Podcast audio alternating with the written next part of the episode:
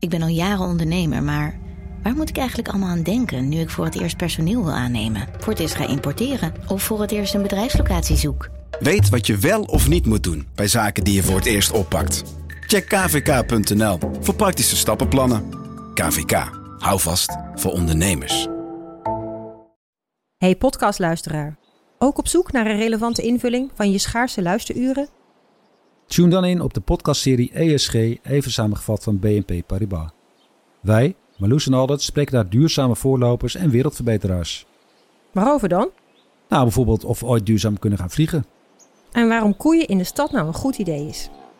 Dat en meer elke twee weken in een nieuwe aflevering. Dus abonneer je. ESG, even samengevat.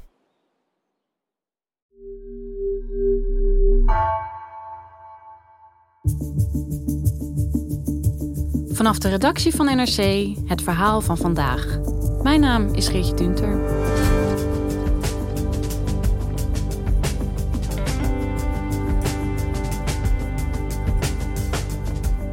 Het is dé beurstrend van dit moment. SPACs. Voor start-ups is het een uitgelezen kans om snel aan veel geld te komen. Economieredacteur Milo van Bokkum dook in de wereld van de SPACs en legt uit waarom beleggers over elkaar heen buitelen om mee te mogen doen. Maar wie profiteert er nou eigenlijk?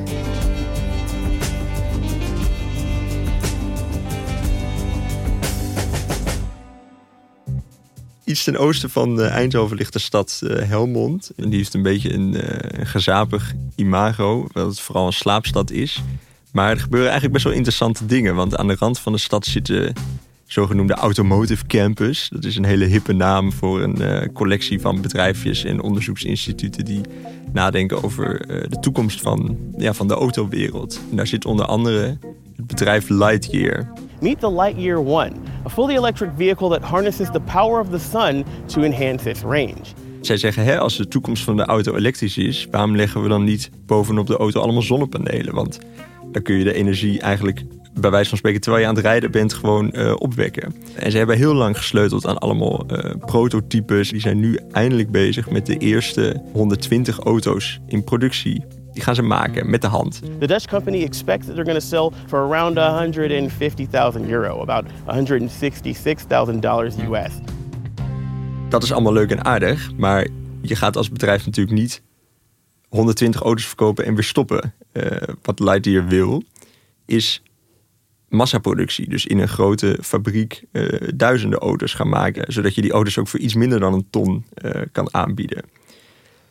Alleen je hebt wel geld nodig om grote massaproductie op te starten. Want zo'n fabriek staat er niet zomaar. Dus de vraag waar Lightyear zichzelf voor gesteld ziet is...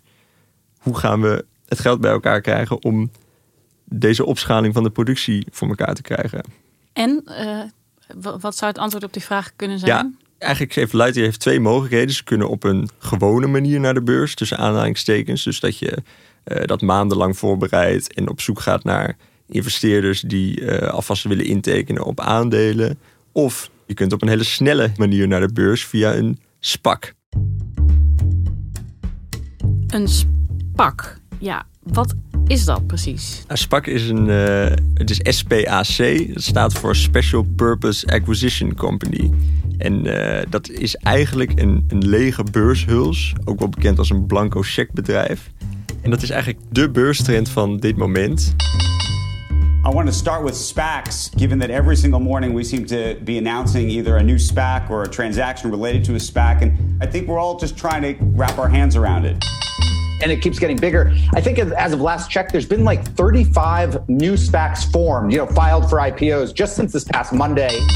There's certainly enough demand out there, Dan. Uh, it's like a SPAC attack. Oké, okay, nou ja, het beursfenomeen van dit moment. Het klinkt heel spannend, maar als jij zegt een lege beurshuls, eerlijk gezegd zeg me dat nog steeds niet zoveel, uh, Milo. Nee, nee, dat snap ik ook wel. Uh, ik heb me er ook flink in moeten verdiepen. Kijk, het komt er eigenlijk op neer dat normaal gesproken staan aan de beurs staan bedrijven genoteerd. En uh, je kunt dan een stukje kopen van een bedrijf, dat is een aandeel. En later als zo'n bedrijf dan winst maakt, dan krijg je dividend. Nou, het interessante aan een SPAC is dat staat ook aan de beurs genoteerd. Het is ook een aandeel dat je kan kopen. Alleen er is eigenlijk nog geen bedrijf. uh, SPAC is nog helemaal niks. Uh, SPAC is vaak opgericht door een club van bekende ondernemers. Die zeggen, joh, uh, stop geld in mijn SPAC. want ik ga daar binnen twee jaar een interessant bedrijf mee overnemen. En dat bedrijf komt dan in die beurshuls te hangen die nu nog leeg is. Oké, dus heel even kijken dat ik het goed begrijp. Normaal gesproken haalt een bedrijf op de beurs geld op. Hè? bij investeerders. Maar in dit geval eigenlijk wordt er geld op de beurs opgehaald, zodat het later in een bedrijf gestopt Precies. kan worden. Ja, daar wordt dus geld opgehaald om later een bedrijf mee over te nemen. En wie zijn de mensen precies die zo'n spak oprichten? Ja, het zijn vaak mensen die bijvoorbeeld uit de private equity wereld komen. Dus dat zijn uh, mensen die uh, al heel veel ervaring hebben in het helpen groeien van bedrijven of in het uh, ombouwen van bedrijven, zodat ze weer winstgevend worden. En uh, nou ja, veel investeerders en veel beleggers die, die kennen vaak ook die namen. Eigenlijk geef je als belegger, je geeft geld omdat je die mensen vertrouwt dat ze een bijzondere interessante overname gaan doen en een interessant bedrijf gaan vinden wat ze in die beurshuls kunnen hangen. Ja, dat wou ik zeggen, want uh, je stopt geld in iets, maar je weet eigenlijk helemaal niet waarin. Exact. Ja, je weet, je weet het dus niet. En uh, dat is ook het fascinerende eraan. Dat ze heel veel geld ophalen. Uh, terwijl, je, ja, terwijl de beleggers dus eigenlijk nog niet precies weten waar ze het geld in stoppen. En stel, hè, je stapt in zo'n spak omdat je denkt, nou, het, deze persoon die hier uh, aan het roer staat, die vertrouw ik wel. Wat gebeurt er dan vervolgens? Nou, dan die, die persoon die aan het roer staat, die heeft uh, twee jaar de tijd om, om een geschikte overnamekandidaat te vinden. Nou, dat, dat, dat lukt meestal wel. En uh, op dat moment uh, staan de beleggers eigenlijk voor een keuze van uh, willen, willen ze erin mee of willen ze daar niet in mee. Nou, en als 70% van de beleggers minimaal daarmee instemt, dan gaat de deal door. En vanaf dat moment is het eigenlijk een gewoon bedrijf aan de beurs. Waarom zou een bedrijf dat eigenlijk willen zich laten opkopen door zo'n spak? Ik bedoel, waarom gaan ze niet zelf gewoon naar de beurs? Ja, de voordelen voor de bedrijven zijn eigenlijk heel duidelijk. Kijk, als jij een, uh, een jong bedrijf bent en je hebt geld nodig om uit te breiden, dan kun je op de gewone manier naar de beurs, maar dat kost je best wel veel tijd. Het kost vaak jaren. Je moet uh, heel uitgebreid boekenonderzoek laten doen. Je moet aan heel veel gecompliceerde financiële eisen voldoen. Uh, en, en wat ook cruciaal is, dat het soms niet lukt. Hè? Want je gaat als, als topman of topvrouw van een bedrijf... ga je langs allemaal investeerders. Dat heet de roadshow. Mm-hmm. Ga je laten zien, joh, dit aandeel komt eraan. Uh, wij zijn een prachtig bedrijf. Willen jullie misschien ook intekenen op het kopen van aandelen? Uh, en soms is er te weinig animo. En dan blazen bedrijven hun beursgang af. En dat is best wel een afgang. Maar je zegt dus, kijk, een beursnotering krijgen, dat kost veel tijd. Je bent Ja. er soms jaren mee bezig. Ehm, kost ook veel geld. Geldt dat dan niet voor die SPACs ook? Uh, nee, want uh, heel simpel eigenlijk. Kijk, een SPAC die heeft bijna geen boeken of financiële details die ze kunnen laten zien. Want er is eigenlijk geen bedrijf. Nee. Uh, dus dat gaat vrij gemakkelijk. Kijk, je hebt bijvoorbeeld een Nederlands bedrijf EV-Box. Oftewel Electric Vehicle Box. En die zijn een fabrikant van laadpalen voor elektrische auto's. Ze hebben ook een fabriek in, in Bordeaux. waar ze zelf die laadpalen maken. Maar ze willen nu graag de Amerikaanse markt veroveren. want ze denken, daar liggen ook nog heel veel kansen. En ik heb ook met de, de topman van EV-Box gesproken. Dat is een Vlaming, Christopher Eenogen. We zijn nu klaar aan onze volgende fase. Laten we zeggen, om ook Amerika te veroveren. Daarvoor geloven wij wel dat het hebben van Amerikaanse aandeelhouderpartner wel een pluspunt is. Die zegt ook van ja, uh, wij willen heel graag nu uitbreiden in de Verenigde Staten. Er wordt op dit moment heel veel geld in, in elektrisch rijden gestopt door de nieuwe regering van, uh, van Joe Biden. Uh, maar we hebben wel geld nodig om die uitbreiding te financieren. Het is een, een moeilijke markt die vaak onderschat wordt. Die, uh, een zeer groot land. De cost of doing business is very high. Dus we moeten deals daar gaan sluiten. We moeten veel reizen in de Verenigde Staten. We moeten daar een, een groter team uh, neerzetten. En daarvoor hebben zij een SPAC-deal gesloten. Nu met een Amerikaanse grote aandeelhouder en daarnaast ook onze Amerikaanse shareholders die we hebben. Dat kan ons extra tailwind geven om, uh, om door te werken op de Amerikaanse markt. Ja, dus die SPAC is, is eigenlijk hun ticket naar Amerika. Precies. Ik moet zeggen, als ik dat zo hoor, klinkt eigenlijk best wel positief. Zo kan iedereen een beetje profiteren van, van deze mooie groeimarkten. Ja, het is voor de betrokken bedrijven in ieder geval sowieso positief. Want uh, zij komen dus relatief gemakkelijk aan uh, vrij veel geld. En dat kan ook helpen om bepaalde technologieën die gewoon heel veelbelovend zijn, uh, sneller door te ontwikkelen. Want daar, ja, je hebt daar gewoon geld voor nodig. Maar er zit ook wel een andere kant aan. Er is ook best wel veel kritiek op SPACs. Omdat het wel sterk de vraag is: zijn veel van deze beleggers zich bewust van het risico? Mm -hmm. uh, in welke speciale categorie bedrijven ze eigenlijk investeren?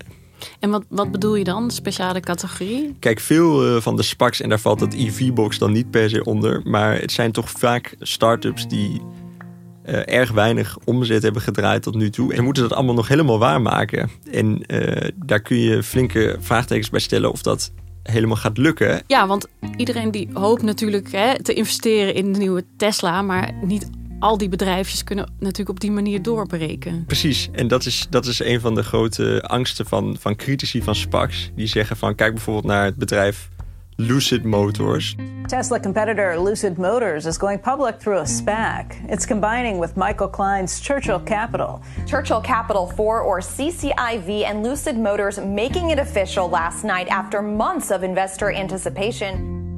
Een paar maanden geleden zijn ze voor 24 miljard dollar in een SPAC-deal naar de beurs gegaan. Maar die uh, hebben alleen nog nooit een auto geproduceerd. Okay. Uh, en zij zijn een soort, zij presenteren zichzelf als een soort Tesla-uitdager. Ze bouwen een fabriek in Arizona. Uh, het wordt allemaal heel luxueus en heel mooi. En het worden allemaal prachtige auto's. Maar de meeste mensen die daar geld in hebben gestopt... hebben in ieder geval nog nooit zo'n auto in het echt gezien. En je ziet ook, kijk, een elektrische auto... dat is nog een technologie waarvan we weten dat, het, dat die werkt. Want die rijden inmiddels rond op de weg. Maar je ziet ook als SPACs die deals sluiten met bedrijven die ruimtetaxis willen gaan maken. Of, uh, Sorry, ruimtetaxis? Ja, of, of gewone vliegende taxis. Uh, tussen aanleidingstekens okay. gewoon. Um, en dat, dat geeft dus ook het gevoel van uh, dat sommige van die deals wel heel gemakkelijk gesloten worden. Want zo'n ruimtetaxibedrijf, die hebben dus ook geld opgehaald ja. via een spak. Ja. het lijkt wel bijna alsof iedereen van gekkigheid niet meer weet waar hij dan met zijn geld naartoe moet. Ja, eigenlijk zeg je dat heel goed, want dat is wel een van de aanjagers van deze trends in het algemeen. Namelijk dat er gewoon op dit moment heel veel goedkoop geld uh, te krijgen is, omdat de rente heel laag is. En uh, omdat ook veel particulieren zijn begonnen met beleggen uh, in de coronacrisis. Omdat nou ja, je zit wat vaker op de bank en als je gewoon een vaste baan hebt, dan geef je vaak minder uit. En dan ja, neemt je spaargeld toe. En dan denken steeds meer mensen van... nou, ik kan ook wel eens een uh, gokje wagen op de, op de beurs.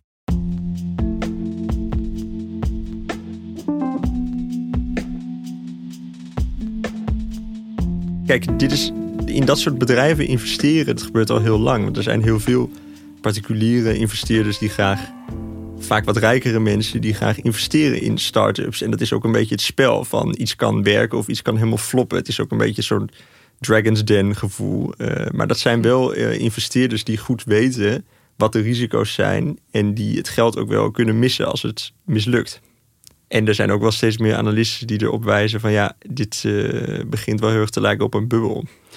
Ja, een bubbel. Dat klinkt natuurlijk altijd heel erg spannend hè, als het over de economie gaat. Ja, ja het, is een heel, het is een heel risicovol onderwerp eigenlijk om uh, over te praten. Want uh, je, je kunt een bubbel nooit herkennen voordat, voordat die geknapt is. Voordat die uh, barst, ja. En de, de, de Financial Times bijvoorbeeld, die schrijft bijna wekelijks dat dit een bubbel is. Maar ze maken eigenlijk zelf in columns ook al wel grapjes erover. Van ja, we moeten ook wel oppassen met dit de hele tijd een bubbel noemen. Want ja, voor je het weet blijkt het, blijken het allemaal gewoon hele succesvolle bedrijven te zijn. Maar goed, die kans lijkt vrij klein. en dan is het de vraag hoe lang deze hele hoge beurswaardes blijven bestaan. Ja, dus een bubbel kan je natuurlijk nooit voorspellen. Ja. En als je dat wel zou kunnen, zou dat uh, heel handig en waarschijnlijk lucratief zijn. Maar ik bedoel, ik denk dan ook aan die dotcom-bubbel. Hè? Wat is het begin jaren nul? Hè? Ja. Is die geknapt? En ja. daardoor uh, kregen dus alle beurzen wereldwijd, denk ik, een enorme tik.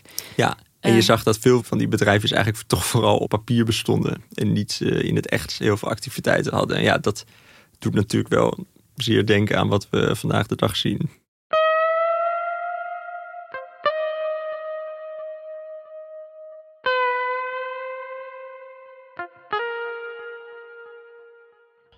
Zo'n SPAC-constructie die is dus legaal. Ehm, maar als je het zo hoort, dan voelt het ook wel een beetje als een manier om regels te Ja. omzeilen. Om het jezelf niet te moeilijk te maken als, als bedrijf in ieder geval.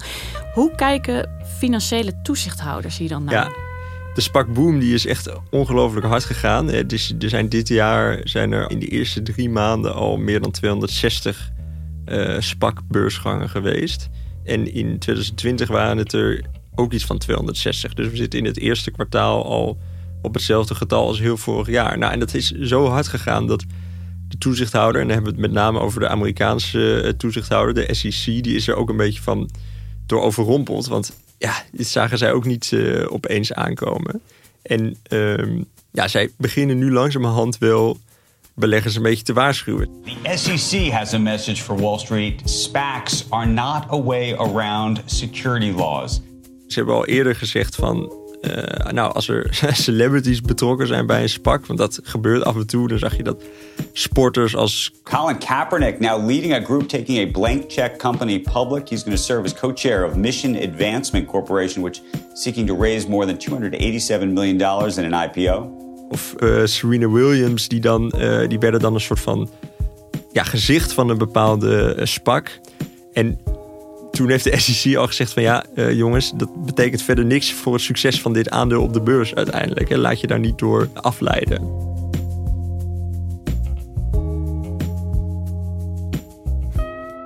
Hebben dat soort waarschuwingen ook effect? De afgelopen twee weken zie je wat signalen dat, er, dat het iets moeilijker wordt om, om geld bij elkaar te krijgen voor zo'n eh, voor zo'n SPAC-deal. Maar ja, het is wel veel te vroeg om te zeggen dat, dat, dat dit aan het kalmeren is. Kijk, en het is ook vanwege de huidige coronacrisis best moeilijk om op een gewone manier naar de beurs te gaan. Omdat ja, het is, blijft gewoon een bepaald soort financiële onzekerheid op de, op de financiële markt. En ook een beetje gewoon een soort wiebelige economie. En eh, dat betekent dat deze route wel gewoon heel aanlokkelijk is. Wat je misschien bijna gaat afvragen is... waarom zou je eigenlijk nog op de gewone manier naar de beurs gaan? Ja, nou dat is, het is ook een hele legitieme vraag. Kijk, je ziet ehm, van de beursgangen die de afgelopen maanden hebben plaatsgevonden... is volgens mij al bijna de helft is een SPAC. Maar wat wel blijft meespelen is dat... eh, kijk, bij een SPAC, dat is een van de hele belangrijke aspecten daar ook van... is dat de mensen die de deal sluiten, de ondernemers die de lege huls naar de beurs brengen... dat die vaak gratis een deel van de aandelen krijgen als de deal is gesloten. En dat is best uniek, want zij worden dus eigenlijk voor niks een beetje eigenaar van een bedrijf. Eigenlijk in ruil voor dat het Precies. gelukt is... mogen zij een deel van de aandelen Exact. zelf houden. Voor en niks. critici zeggen van dat is een groot probleem, want dat betekent dat zij eigenlijk niet per se eh, stimulans hebben om de best mogelijke deal te sluiten, als ze maar een deal sluiten. Eh, want ja, dan heb je in ieder geval een deel van een bedrijf gewoon gratis. En dan, eh, ja, daar kun je bijna niet de mis mee ingaan, want als je op een gegeven moment die aandelen verkoopt, dan heb je eigenlijk sowieso winst gemaakt. Ja, dus het, het risico eigenlijk van die SPACs... die ligt eh, voornamelijk bij de investeerders. In ieder geval niet bij de dealmakers. Want die Ja. gaan er met een goede zak geld Ja, uit. het zijn inderdaad de, de, de gewone beleggers die over het algemeen eh, het risico dragen. En dan zie je dat dus uit onderzoek blijkt dat bij SPACs die een jaar aan de beurs genoteerd staan, dat het merendeel eh, daar eigenlijk een, een verlies leidt. En volgens mij is het gemiddelde Oh ja. verlies zelfs iets van 36 procent. Wat eh, best veel is.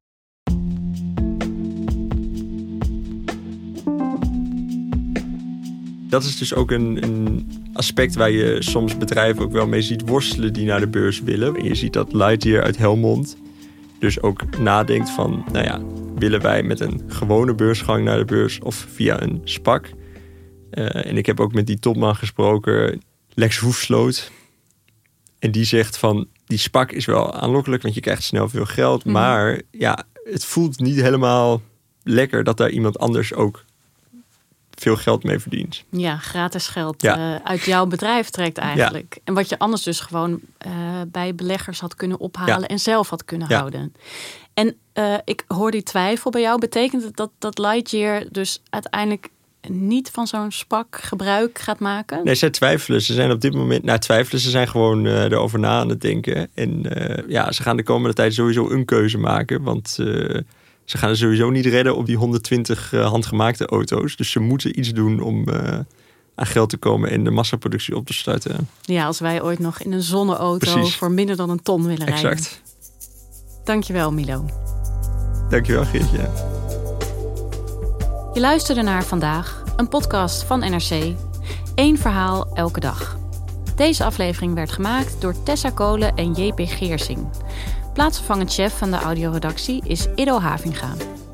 Dit was vandaag, morgen weer.